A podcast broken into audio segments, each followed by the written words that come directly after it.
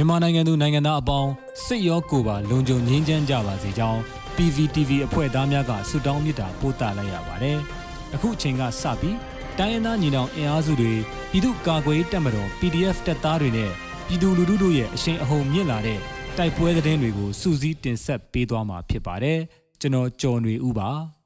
ပထမဆုံးအနေနဲ့မင်းကင်းမှာစစ်တပ်နဲ့ပြူစောတိကင်းလက်စစ်ကြောင်းမိုင်းဆွဲပစ်ခတ်ခံရပြီး၄ဦးသေဆုံးတဲ့တဲ့ရင်တင်ဆက်ပါမယ်။ စကိုင်းတိုင်းမင်းကင်းမြို့နယ်တောင်လက်ဒေသအထက်ဆက်တာဘက်သို့ကင်းလက်လာတဲ့စစ်တပ်နဲ့ပြူစောတိဒေသခံကာကွယ်ရေးတပ်ဖွဲ့များဇူလိုင်လ10ရက်နဲ့9ရက်နေ့တို့မှာမိုင်းဆွဲတိုက်ခိုက်ခံခဲ့ရပြီးစစ်သားနဲ့ပြူစောတိ၄ဦးသေဆုံးခဲ့ကြောင်းနေမြေကန်သတင်းရင်းမြစ်များထံမှသိရပါဗျ။အဆိုပါကင်းလည်လာတဲ့စစ်တပ်နဲ့ပြူစောထီများကိုမိုင်းဆွဲတိုက်ခိုက်ပြီးတဲ့နောက် MKPDF2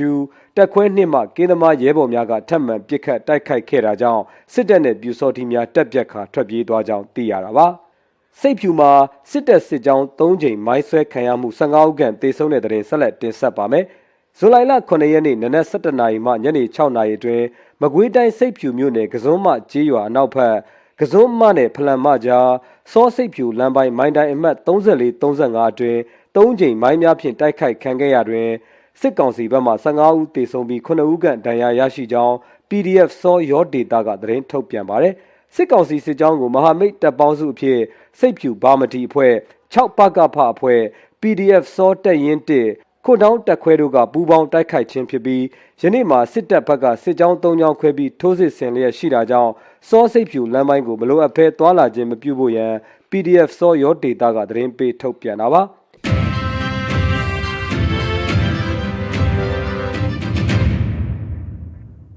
ရန်ကုန်လှိုင်သာယာမှာညာကင်းပတ်နေတဲ့စစ်ကောင်စီရင်တစီဘုံပစ်သွင်းခံရပြီးစစ်သား2ဦးသေဆုံး2ဦးဒဏ်ရာရတဲ့တဲ့တင်ဆက်လက်တင်ဆက်ပါမယ်ရန်ကုန်တိုင်းလှိုင်သာယာမြို့နယ်စက်မှုစုံအမှတ်2ညောင်ကြီးရွာရက်ကွက်မှာညဘက်ကင်းလည်နေတဲ့အကြမ်းဖက်စစ်ကောင်စီရဲ့ကားတစ်စီးဇူလိုင်လ10ရက်နနက်စောပိုင်းမှာဘုံပစ်သွင်းတိုက်ခိုက်ခံရပြီးစစ်သား2ဦးသေဆုံးက2ဦးဒဏ်ရာရနိုင်ကြောင်းသတင်းရရှိတာပါ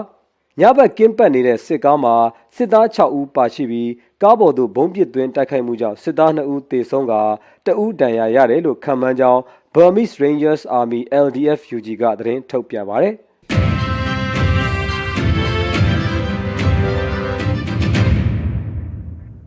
နောက်ဆုံးအနေနဲ့ အမျိုးသားညီညွတ်ရေးအစိုးရပြည်ထရေးနဲ့လူဝင်မှုကြီးကြပ်ရေးဝန်ကြီးဌာနက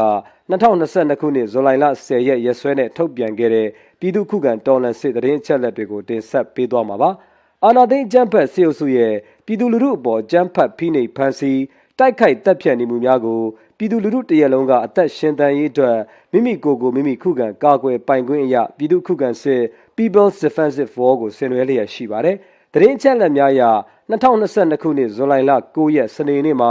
စစ်ကောင်စီတပ်ဖွဲ့ဝင်54ဦးသေဆုံးပြီးထိခိုက်ဒဏ်ရာရရှိသူ22ဦးအထိခုခံတိုက်ခိုက်နိုင်ခဲ့ပါတယ်။စစ်အာဏာရှင်စနစ်မြမမြေပေါ်မှာအပြီးတိုင်ချုပ်ငြိမ်းရေးနဲ့ Federal Democracy တည်ဆောက်ရေးအတွက်ငြိမ်းချမ်းစွာဆန္ဒပြတဲ့လူထုတပိတ်တိုက်ပွဲများကပြည်내နဲ့တိုင်းဒေသကြီးများမှာဆက်လက်ဖြစ်ပွားပေါ်ပေါက်လျက်ရှိပါတယ်။မြေပြင်မှာတော့ယခုတွေ့ရတဲ့သတင်းအချက်အလက်များထက်ပို၍ဖြစ်ပွားနိုင်ပါတယ်ခင်ဗျာ။